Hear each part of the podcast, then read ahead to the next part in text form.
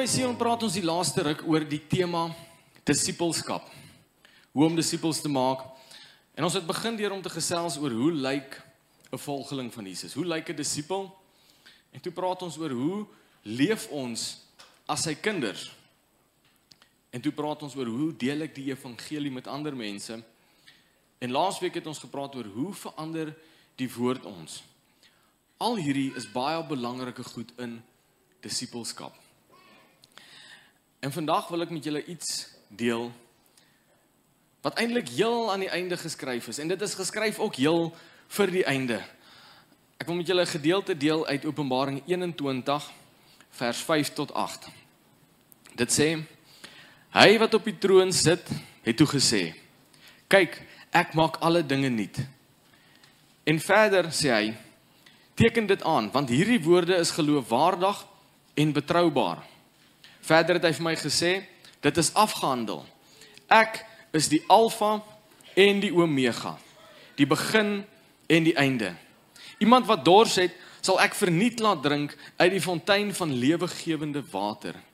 Die een wat aanhou oorwin, sal hierdie dinge erf. En ek sal vir hom 'n God wees en hy sal vir my 'n kind wees. Maar vir die oneerlikes, onbetroubares, korruptes, moordenaars, persone wat seksuele sonde doen, towenaars, afgodsdienaars en al die leenaars wag die poel van vuur en swaal brand. Dit is die tweede dood. Kom ons sluit gou die oë.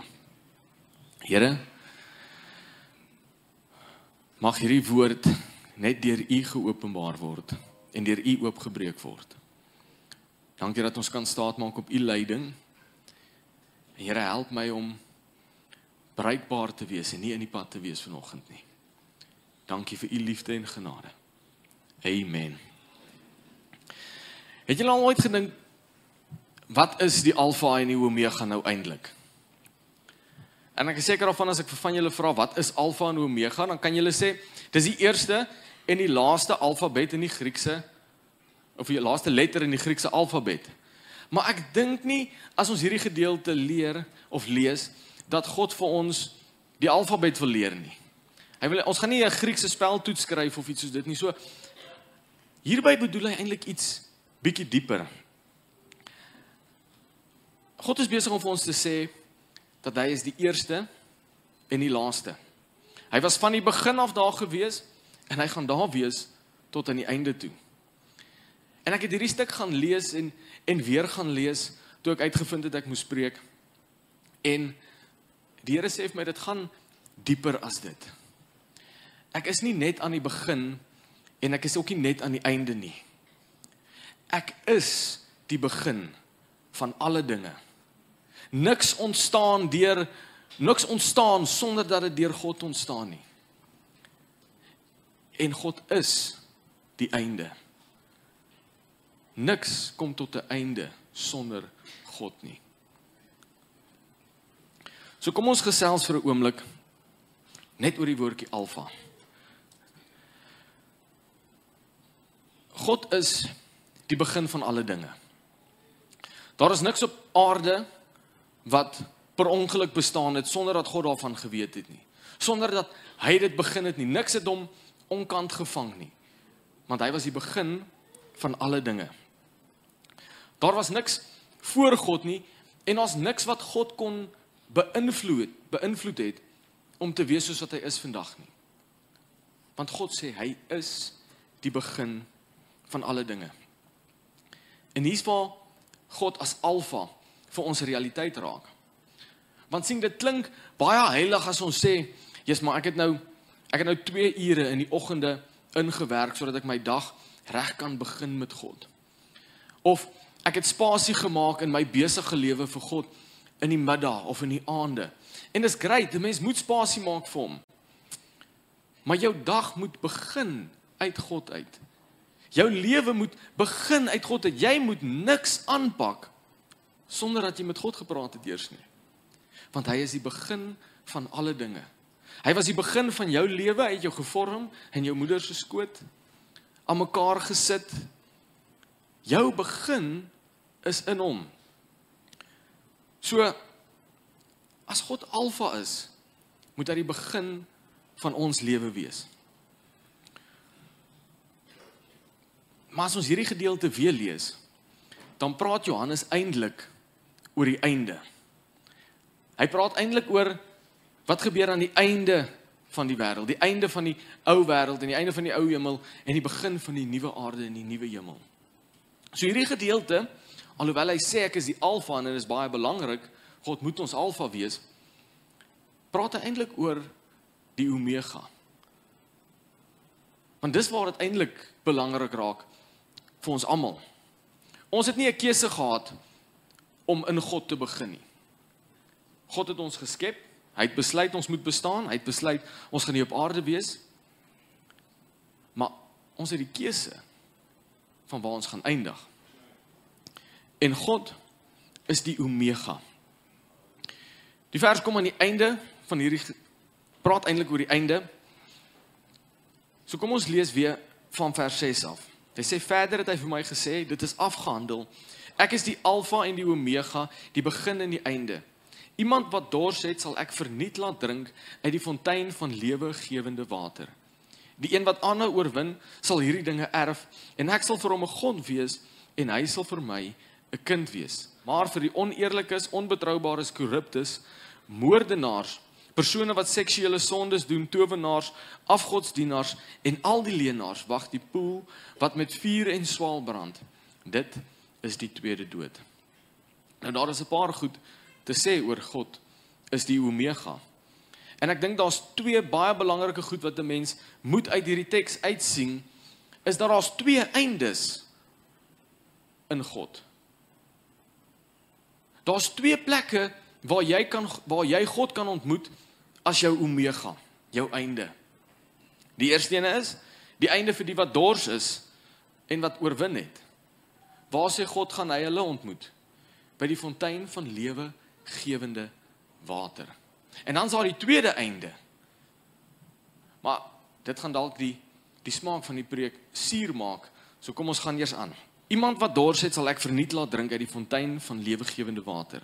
Die een wat aanhou oorwin, sal hierdie dinge erf en ek sal vir hom God wees en hy sal vir my 'n kind wees. Kom ons praat bietjie oor wat beteken dit om dors te wees? Weet nie wie van julle was al by die movies en het 'n bak sout en asyn popcorn geëet nie. En hier halfpad deur dan voel dit vir jou asof daar 'n heilige dors oor jou val. Jy kan nie wag om by daai slush poppie of daai coke of iets uit te kom nie. En ek het gisterand popcorn geëet. So my mond is redelik droog al van gister af. God sê dat iemand wat dors is, sal eendag by die fontein van lewende water wees. Met ander woorde, as jy dors het na God, sal jy gered word. Met ander woorde, ek kan nie gered word as ek nie dors was vir God nie. sien verder aan in Openbaring in Openbaring 22 vers 17 is daar baie mooi uitnodiging vir elkeen van ons. Die Gees en die bruid roep uit: "Kom. Kom Here, kom." Vir die wat dors is, ek sal hom laat kom drink. Verniet. Het jy al ooit gedink hoekom sê God dat dis wat dors is, gaan hy verniet laat kom drink? Hoekom is daar nie 'n prys aan dors. Hoekom is daar nie 'n prys aan die lewegewende water nie? Ek meen dit is tog dit is die plek waar jy wil wees. Enige eksklusiewe hotel of vakansieoord vra 'n verskriklike prys. Maar hoekom sê God gaan hy elkeen wat dors het verniet laat drink? Want sien as daar 'n prys aangekoppel was, as ek iets van my kant af kon doen om meer dors te wees, dan sou ek God kon omkoop met my dorsheid. Met hoe ek na hom smag. En God sê dit is nie hoe dit werk nie. Ek maak jou dors. Ek gee vir jou die dors in jou gees om my te soek. Jy gaan nie meer of minder lewende water kry afhangende van hoe dors jy was nie. Jy moet net God smag met alles binne in jou. Dis wat dors beteken. as ons dors kon meet, dan kom dit nie van God af nie, dan kom dit van onsself af. As ek kon sê, "Jesus, ek is ek is soveel dors." En oom Andrei se dorsvlak is hier. Dan kom oom, oom Andrei harder gewerk het aan sy dors as wat ek aan myne kon werk. En God sê, "Ek laat julle verniet kom drink." Ek is die een wat jou dors maak. sien die geheim is is dis 'n mens is nie net dors vir God gewoonlik nie. sien om dors te wees is eintlik maar om te smag na iets. Is eintlik maar om iets te begeer, om om 'n hinkering te hê na iets toe. En ongelukkig is elke persoon op aarde gered of ongered dors. Die verskil kom net in waarna jy dors is.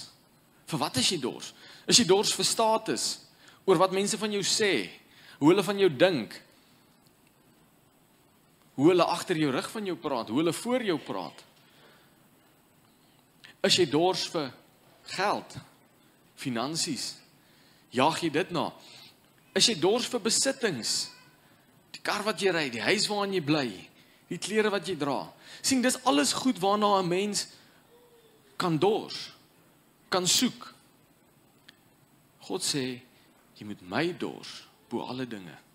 Dan sal ek jou verniet laat drink van die fontein van lewegewende water. En hier's waar die verskil inkom. God se dors is die enigste een wat verniet is. Die ander gaan jy regtig baie voorbetaal. sien jy moet daai dors stuur in God se rigting.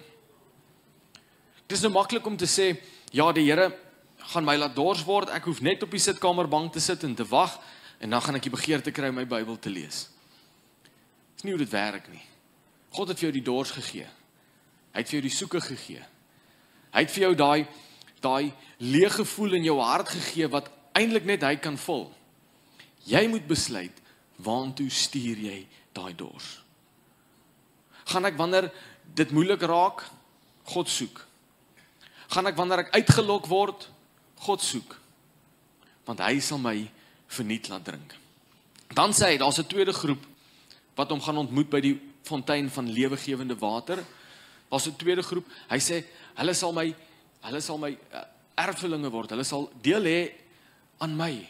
Ek sal hulle God wees en hulle sal my kind wees en dis dies wat oorwin.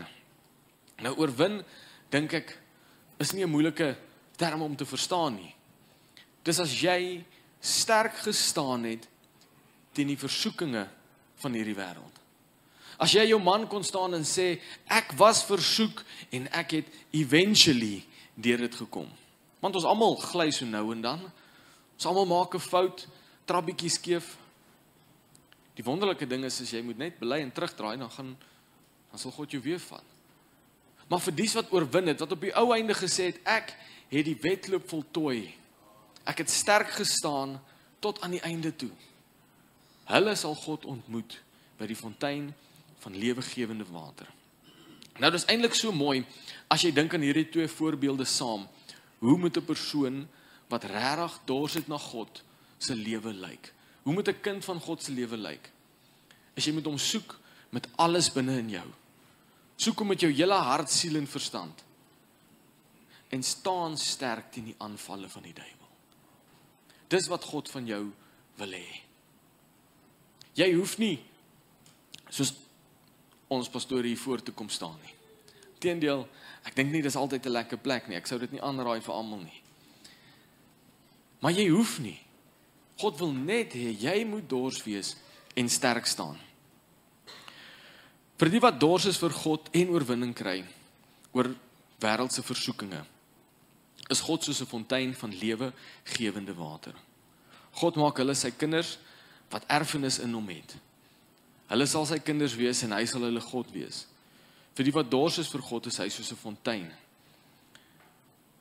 En 'n fontein van ewige lewe tot aan die einde van hulle aardse lewens en dan nog aan. En hier kom hy die tweede omega wat nie so lekker is om altyd oor te praat nie, maar ek dink is belangrik. So ek wil hê maak jou hart oop ontvang dit vir wat dit is. Vers 8 sê dis nou die einde vir dies wat nie dors was nie, nie oorwin het nie. Maar vir die oneerlikes, onbetroubares, korruptes, moordenaars, persone wat seksuele sonde doen, towenaars, afgodsdienaars en al die leenaars wag die poel wat brand met vuur en swaal. Dit is die tweede dood. Sien hierdie mense was dors, definitief. Maar hulle was dors vir 'n klomp ander goed. Die oomblik wanneer daai versoeking hulle pad langs gekom het, het hulle nie gegryp na God nie.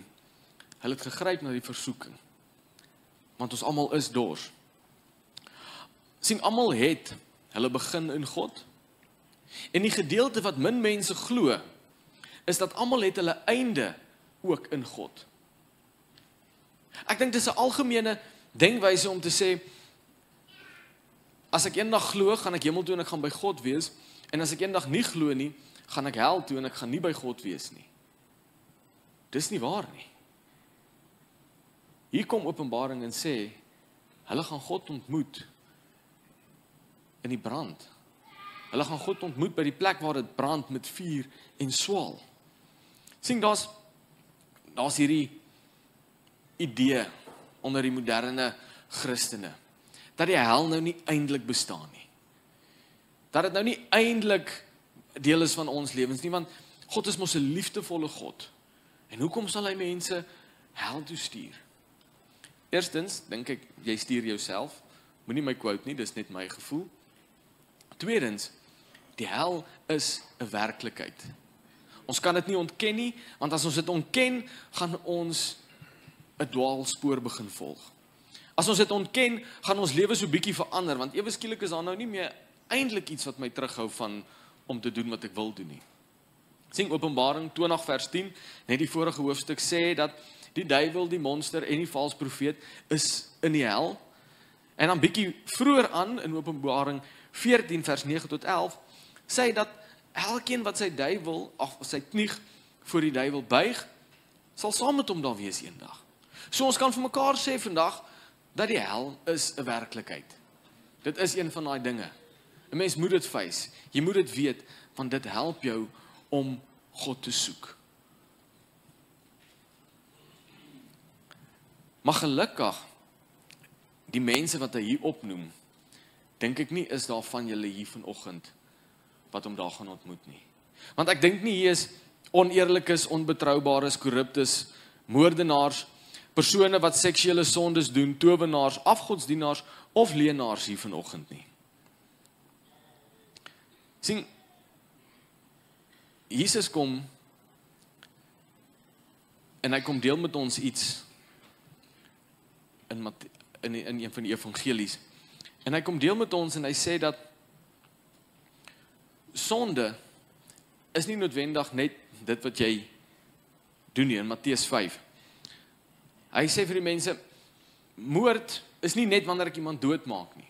Moord is wanneer ek kwaad in my hart is teenoor my broer, wanneer ek wraak soek. Hy sê egbreek is nie net wanneer jy verneek en rondslaap nie. Egbreek is wanneer ek net iemand anders te begeer. So as ons uit daai oogpunt nou na hierdie sondes kyk, dan raak dit bietjie interessant.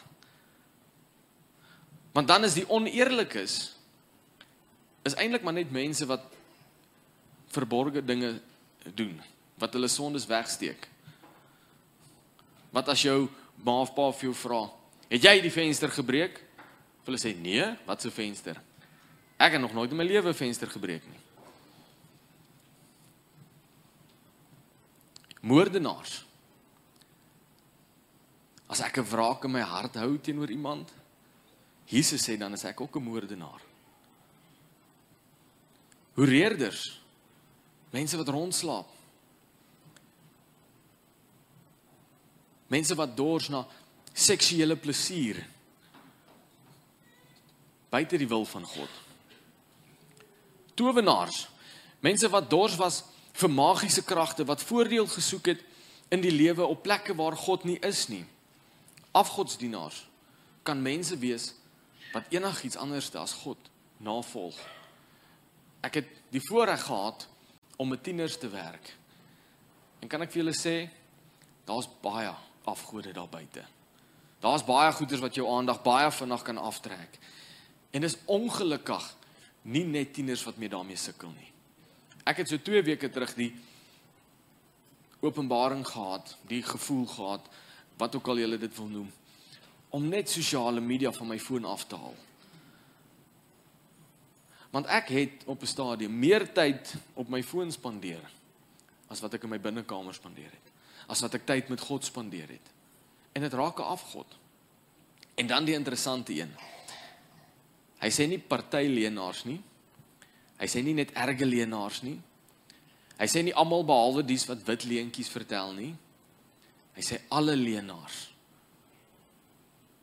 Dit is so maklik om net vir iemand 'n wit leentjie. Ag ek wil nou nie hulle gevoelens seermaak nie of of dit dis beter dat hulle nou nie weet nie. Alle leenaars.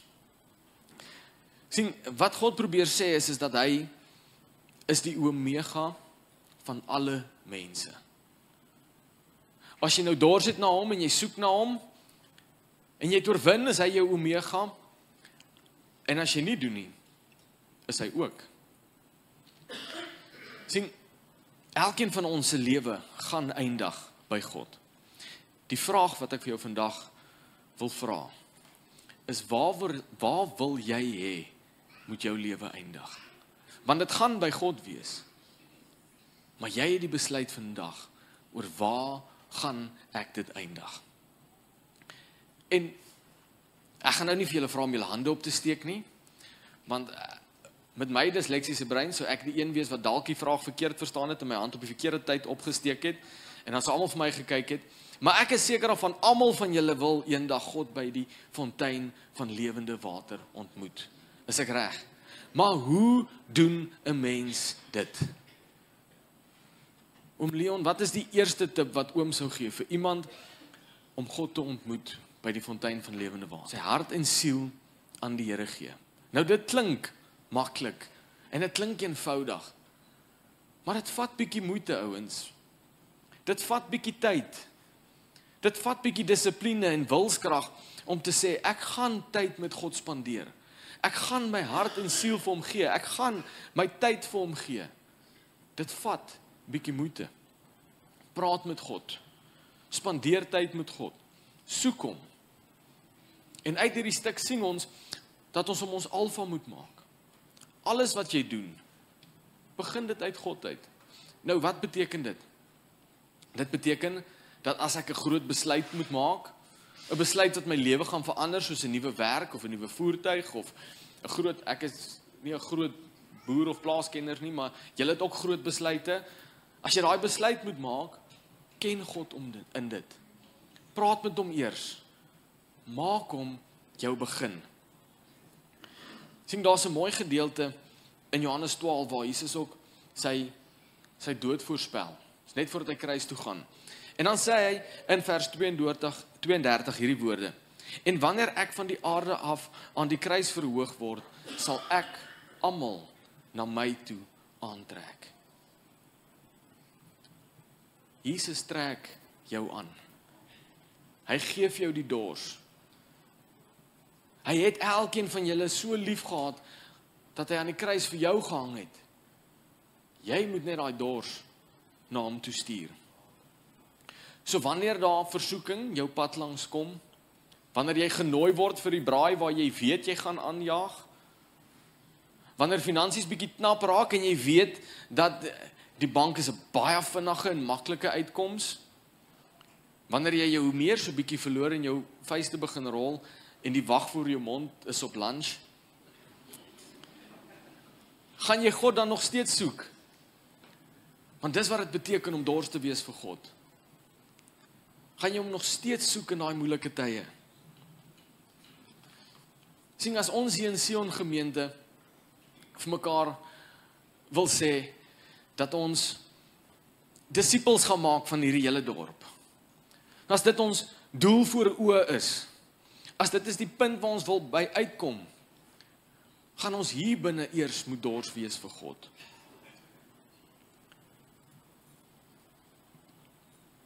As ek hier binne nie dors is vir God nie. En ek probeer julle oortuig om dors te wees vir God. Weet julle wat sê Jesus? Is ek dan Ek is 'n wit geplakte graf. Ek lyk baie nice en en vroom en mooi aan die buitekant, maar binnekant is ek mors dood. Om 'n verskil te maak in hierdie dorp, begin dit hier binne in jou. Ek kan nie 'n disipel maak as ek nie 'n disipel is nie. Ek het vir die tieners altyd gesê en en by die sel, ek kan nie mense vat tot op 'n plek waar ek nog nie is nie. Ek kan nie mense vat tot daar waar ek nie eens weet hoe lyk dit nie. Ek kan mense net vat tot waar ek is. En as ek by die voete van God is, kan ek hulle soontoe vat. As ek my tyd in Jesus spandeer, kan ek hulle soontoe vat. Want dit is vanuit my beker wat oorloop wat ek mense kan bedien. Dit is van die fontein waaruit ek gaan drink het omdat ek dors is na God, omdat ek hom soek en omdat ek probeer oorwin wat ek ander mense kan aanraak. Maar ek moet besluit waar wil ek God ontmoet? En as ek daai besluit gemaak het, moet ek dit volhou. En vandag wil ek hê elkeen van julle moet die besluit in julle harte maak. Niemand kan daai besluit vir jou maak nie. Niemand kan jou oortuig en sê, hoor hierso, jy moet dit doen nie. Jesus lê dit op jou hart. Sê ek is die een wat almal na my toe aantrek. Ek is die alfa en die omega. Dis hy wat daai dors in jou gesit het. Stuur dit na hom toe.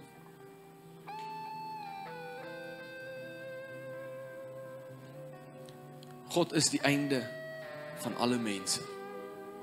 Die wat dors het en oorwin, sal God ontmoet by die fontein van lewende water. Die wat nie dors het nie en nie oorwin nie, ontmoet God in die vuur. Maak seker jy dors na God. En hou net aan. Hou aan. Jy gaan nooit ontslaa raak van die dors nie. Maar jy kan kies waantoe jy dit stuur. So as ek een sin by julle moet los vandag. As jy nou per ongeluk of aspres die hele preek geskiep het en nie geluister het nie. Hoor net hierdie een ding. Maak seker jy is dors vir God. Kom ons sluit die oë. Here, U is ons Alfa en ons Omega. En Here, vandag wil ons bid en verklaar dat ons wil van hier af vorentoe hê dat niks sonder U moet begin in ons lewe nie. En dat niks tot 'n einde sal kom sonder U in ons lewe nie. Ons wil U die begin van alles maak en ons wil U die einde van alles maak. Ons wil U eerste sit in ons lewe. Here, wees saam met elkeen vandag. Wees saam met elke hart wat voel dat God dalk nie meer alfa of omega vir hulle is nie. Wees saam met elke hart wat onseker is oor waar hulle gaan opeindig, liewe Here, en gee hulle die krag om hulle dors te stuur in U rigting in. Geef hulle die krag om te dors na U vandag. Here, help ons om getrou te wees in ons stilte tyd. Help ons om getrou te wees in ons gebedslewe. Help ons om getrou te wees aan U stem, aan U Heilige Gees. Wees saam met elkeen hier vandag. Seën ons in die naam van die Vader en die Seun en die Heilige Gees. Amen. Amen.